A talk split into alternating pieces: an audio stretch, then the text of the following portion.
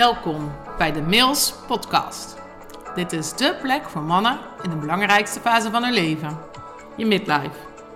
Een prachtige, maar vaak ook confronterende periode. Alles komt hier aan bod.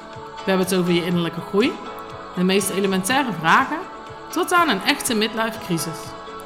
Maar vooral hoe je weer helderheid vindt in jezelf. Niks blijft onbesproken. Onconventioneel en met allure. Ik ben Marielle Royakkers, life coach voor mannen. Vandaag wil ik het met je hebben over een driehoeksverhouding. En een driehoeksverhouding is er altijd uh, iets of iemand die aan het kortste eind trekt. En in deze driehoeksverhouding gaat het over drie rollen die je kan aannemen uh, vanuit je bewustzijn. En het gaat over de verhalenverteller, de onderzoeker en de waarnemer. Nou, ik snap dat dit misschien nog een beetje vaag klinkt.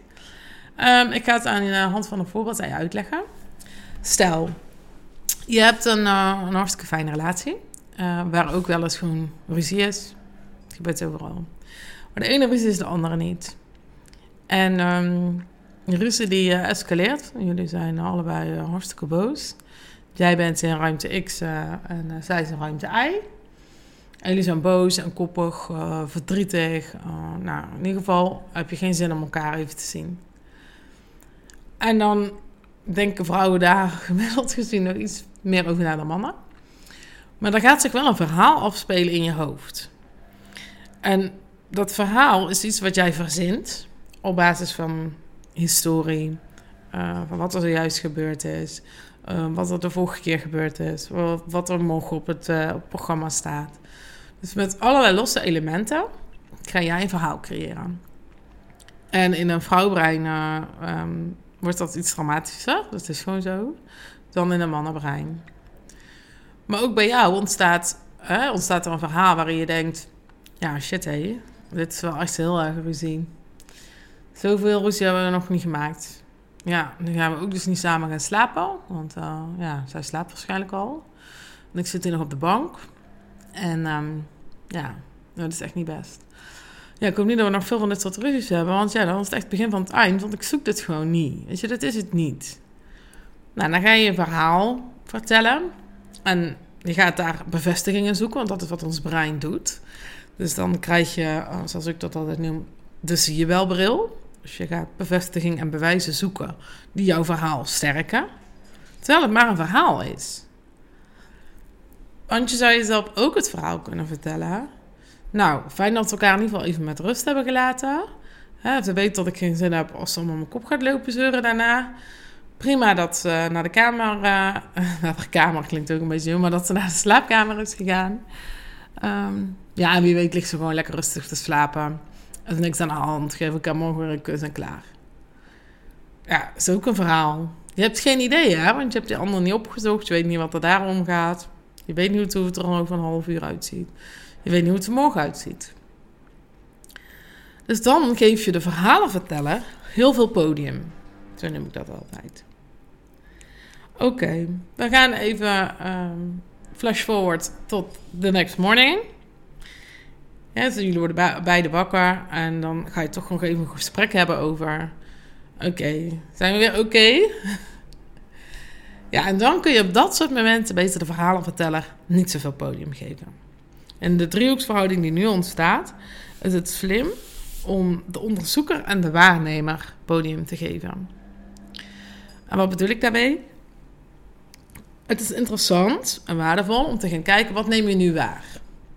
Hoe kijkt die ander? Wat zegt hij? Wat zegt hij niet? En gewoon gaan waarnemen wat er gebeurt.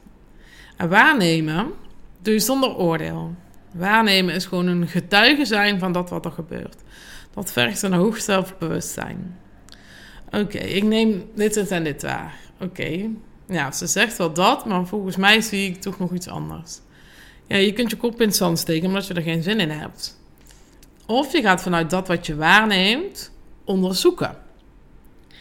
En dan ga je vragen stellen. En die vragen die beginnen met wat maakt. Ik zou waarom ook thuis laten. Want waarom roept een, um, een verdediging op? als iemand aan jou vraagt: nou, waarom heb je dat gedaan? Dan zit daar een, een, een lichte vorm van veroordeling onder, van onbegrip onder, waardoor jij het idee krijgt dat je je moet gaan verdedigen. Als je vraagt wat maakt, dan roept dat nieuwsgierigheid op. Het, is echt een, ja, het, het klinkt wel simpel, maar die nuance is echt een wereld van verschil. Oké, wat maakt dat je dan zo op reageerde? Wat maakt dat jij je zo voelde? Wat maakt, nou, hè, en er moet geen hele uh, vragenvuur zijn dat het een hele ondervraging is. En daardoor kreeg ik de gedachte dat. Als je dit nu zo luistert, kan ik me voorstellen dat je misschien denkt: ja, oké, lekker belangrijk allemaal en vermoeiend. En, maar echt als je jezelf dit aanleert, dat je dus gaat waarnemen en gaat onderzoeken. Oh mijn god, dan gaat je zoveel ruzie besparen. Dan gaat je zoveel meer begrip brengen en het gaat situaties verzachten.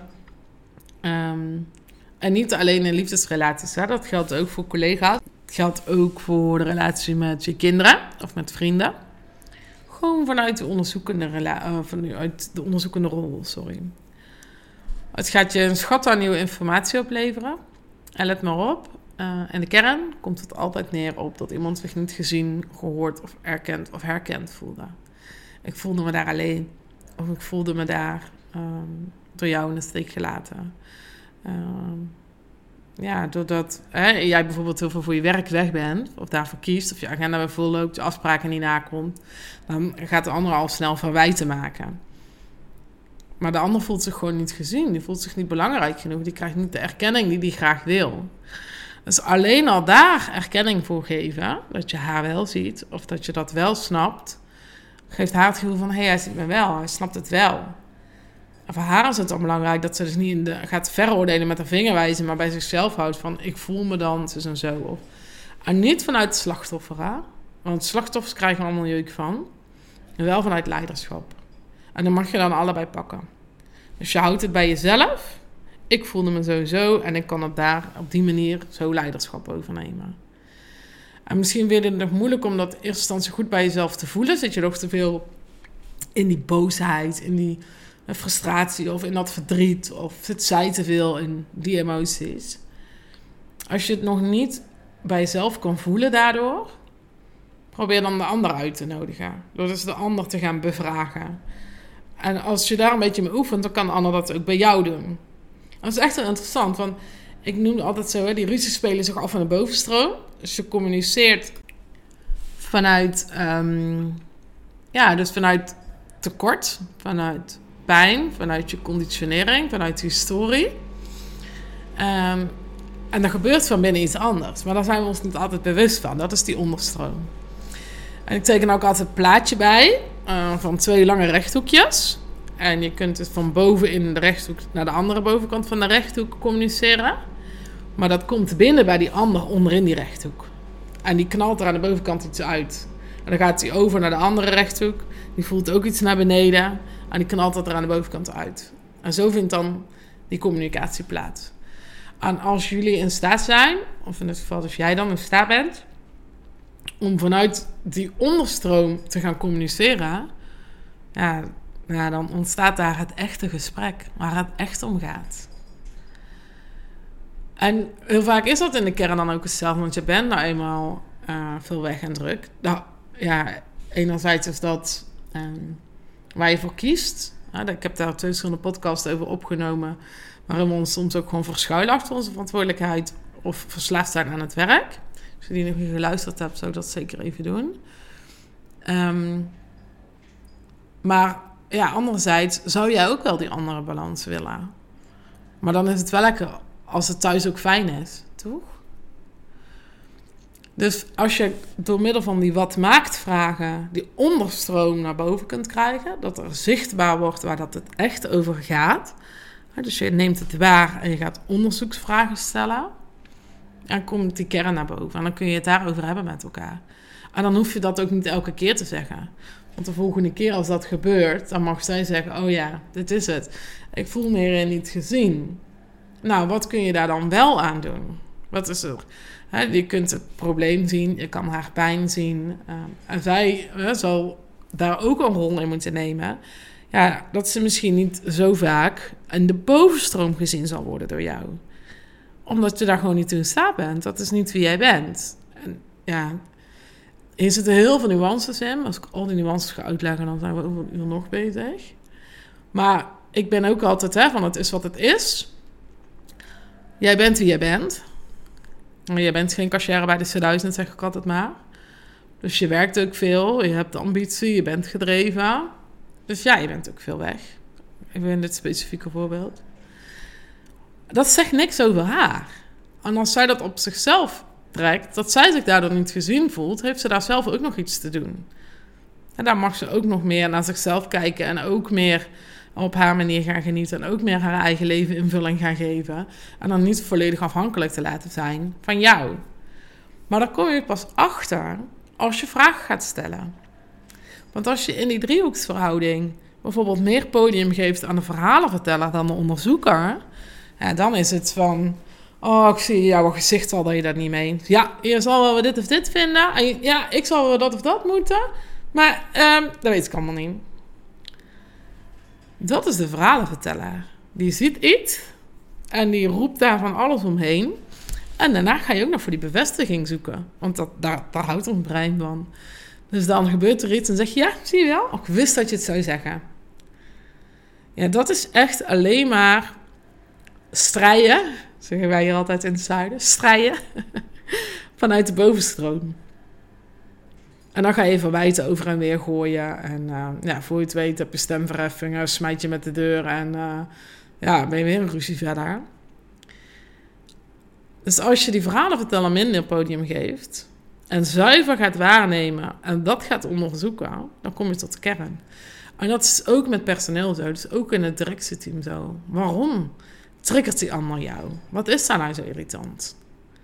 Ga gewoon met die persoon zitten en vraag wat maakt dat je eigenlijk altijd dat dan dat doet op de werkvloer? Of vertel eens, ik ben nieuwsgierig. Wat zijn jouw beweegredenen geweest? Gewoon echt vanuit een onderzoekende vraag.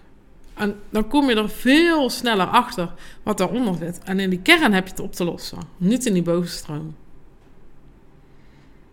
Ja, en als je dus um, gaat onderzoeken en gaat verhalen vertellen. Dus je laat de waarnemer thuis. Dan kan je dus ook niet objectief waarnemen. En je stelt allerlei rare vragen waar je vervolgens verhalen aan gaat ophangen. Je ziet die ander niet echt. Je hoort die ander niet echt. Ja, dat, dat, dat is ook gewoon geen helpend tafereel. Dus in de driehoeksverhouding, laat alsjeblieft die verhalenverteller thuis. Alleen maar jouw ego wat roept. Het is geen zuiver geweten, geen zuiver waarnemen. ik kan hier echt nog uren over doorgaan, dus ik vind het echt enorm fascinerend. Um, zeker binnen wat grotere dynamieken. Um, want in je relatie of met een, um, een liefdesrelatie, of in een uh, relatie met een directe collega, ken je elkaar vaak al wat beter. en daar moet je dus dan opletten dat je niet voor de ander gaat invullen. Want dan ben je dus weer een verhaal aan het vertellen. Maar als je in een grotere dynamiek zit, dus je zit met je hele directe team aan tafel, of met um, vrienden in een restaurant, of nou, whatever. Maar, maar eens kijken of je zo'n moment van bewustzijn kan, kan oproepen in jezelf. En kijk maar eens die tafel rond. En die gezichten van die mensen, wat er, alles wat, hoe zij waarnemen, speelt zich af in hun hoofd. En ja, dat is misschien een beetje een matrixachtig verhaal, maar we zien gewoon allemaal een andere waarheid natuurlijk, hè, ik, ik zit nu naar buiten te kijken en ik zie gewoon een boom met bladeren eraan. En dat is een walnotenboom, ja, die zie jij ook. Hè? Dat snap ik. Maar als ik naar buiten kijk, vertel ik mezelf daar een verhaal bij. Want oh, het zonnetje schijnt nog zo lekker en die kleur valt over die bladeren. En oh, een heerlijke warme um, nazomerdag. Het is echt dikke herfst natuurlijk, halverwege november. Maar ja, het is 16 graden. Het ziet er nog zo groen en warm uit waar ik naar kijk. Dus dat roept een gevoel bij mij op, een verhaal bij mij op. Vanuit mijn waarneming, vanuit mijn conditionering. En dat is met groepsdynamiek ook zo. Iedereen zit daar met zijn eigen conditionering, met zijn eigen verhaal. En we horen allemaal iets anders en we zien allemaal iets anders. We zijn op zoek naar bevestiging voor de paden die we al hebben in ons brein. En als je daarvan bewust kan zijn, dus dat je niet op zoek gaat naar dat wat je al weet of wat voor jou al bekend is, en dan, ik, dat heb ik in eerder posten ook al een keer gezegd, dan leer je dus ook iets nieuws. En dan kom je tot de kern. En daar zit echte verdieping en verbetering. Ja, ik, ik vind het echt fascinerend. Dus de volgende keer als je uit eten bent of in een vergadering zit, ja, probeer er maar aan te denken. Kijk om je heen en kijk de mimiek van die mensen. Vraag je af wat er in hun bovenkamer rondgaat. Gewoon vanuit die nieuwsgierige onderzoeker.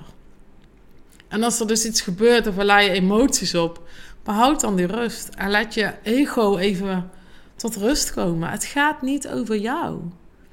Het gaat over de conditionering van die andere persoon bij hem of haar in zijn hoofd.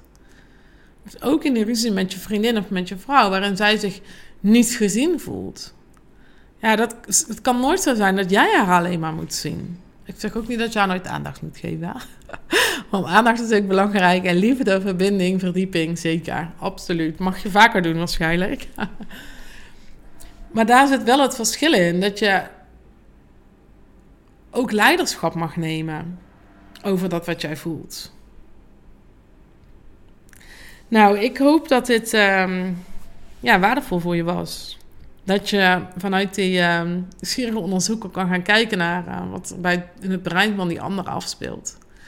En laat het me ook weten um, of het je tot nieuwe inzichten heeft geleid.